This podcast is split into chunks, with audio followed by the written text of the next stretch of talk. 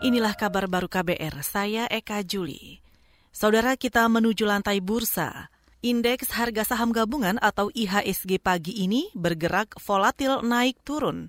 Mengutip data RTI, indeks dibuka menghijau di level 6.139. Indeks sempat naik 20 poin ke level 6.166, namun berbalik arah ke zona merah dengan penurunan hingga 6 poin sebelum naik kembali ke zona hijau.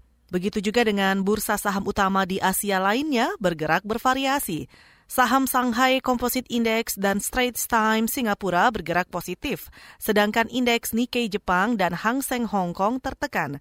Mengutip Reuters, tekanan di bursa Asia karena para investor masih menunggu kepastian hasil pemilu Amerika Serikat, terutama mengenai keberimbangan kekuasaan di parlemen, serta karena gonjang-ganjing harga minyak dunia.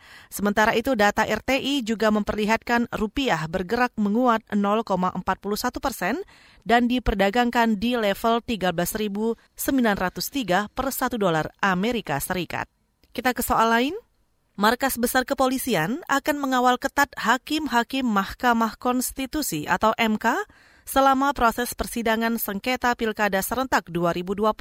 Juru bicara Mabes Polri, Rusdi Hartono mengatakan, pengamanan diberikan agar hakim tidak mendapat ancaman dari luar sehingga bisa memutus sengketa Pilkada dengan adil.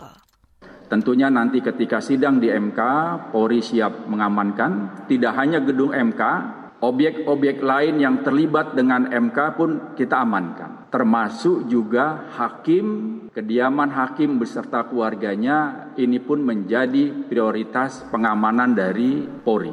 Juru bicara Mabes Polri, Rusdi Hartono juga menambahkan, sudah berkoordinasi dengan Mahkamah Konstitusi. Rusdi memastikan Polri akan mengendalikan situasi sehingga proses persidangan di MK berjalan aman.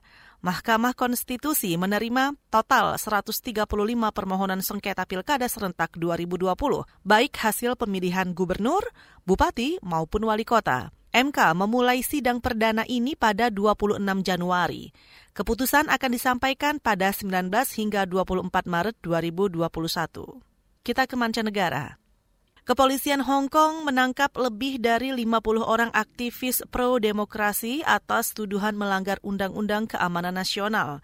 Ini merupakan tindakan penangkapan terbanyak yang dilakukan aparat Hong Kong terhadap kelompok oposisi menggunakan undang-undang baru. Undang-undang keamanan baru berlaku sejak Juni lalu. Aturan ini menyasar pada tindakan terorisme, subversi, hingga upaya memisahkan Hong Kong dari Tiongkok – Reuters mengutip dari akun Facebook Partai Demokratik Hong Kong menyebut sejumlah orang ditangkap termasuk aktivis maupun bekas anggota parlemen terkenal di negara itu.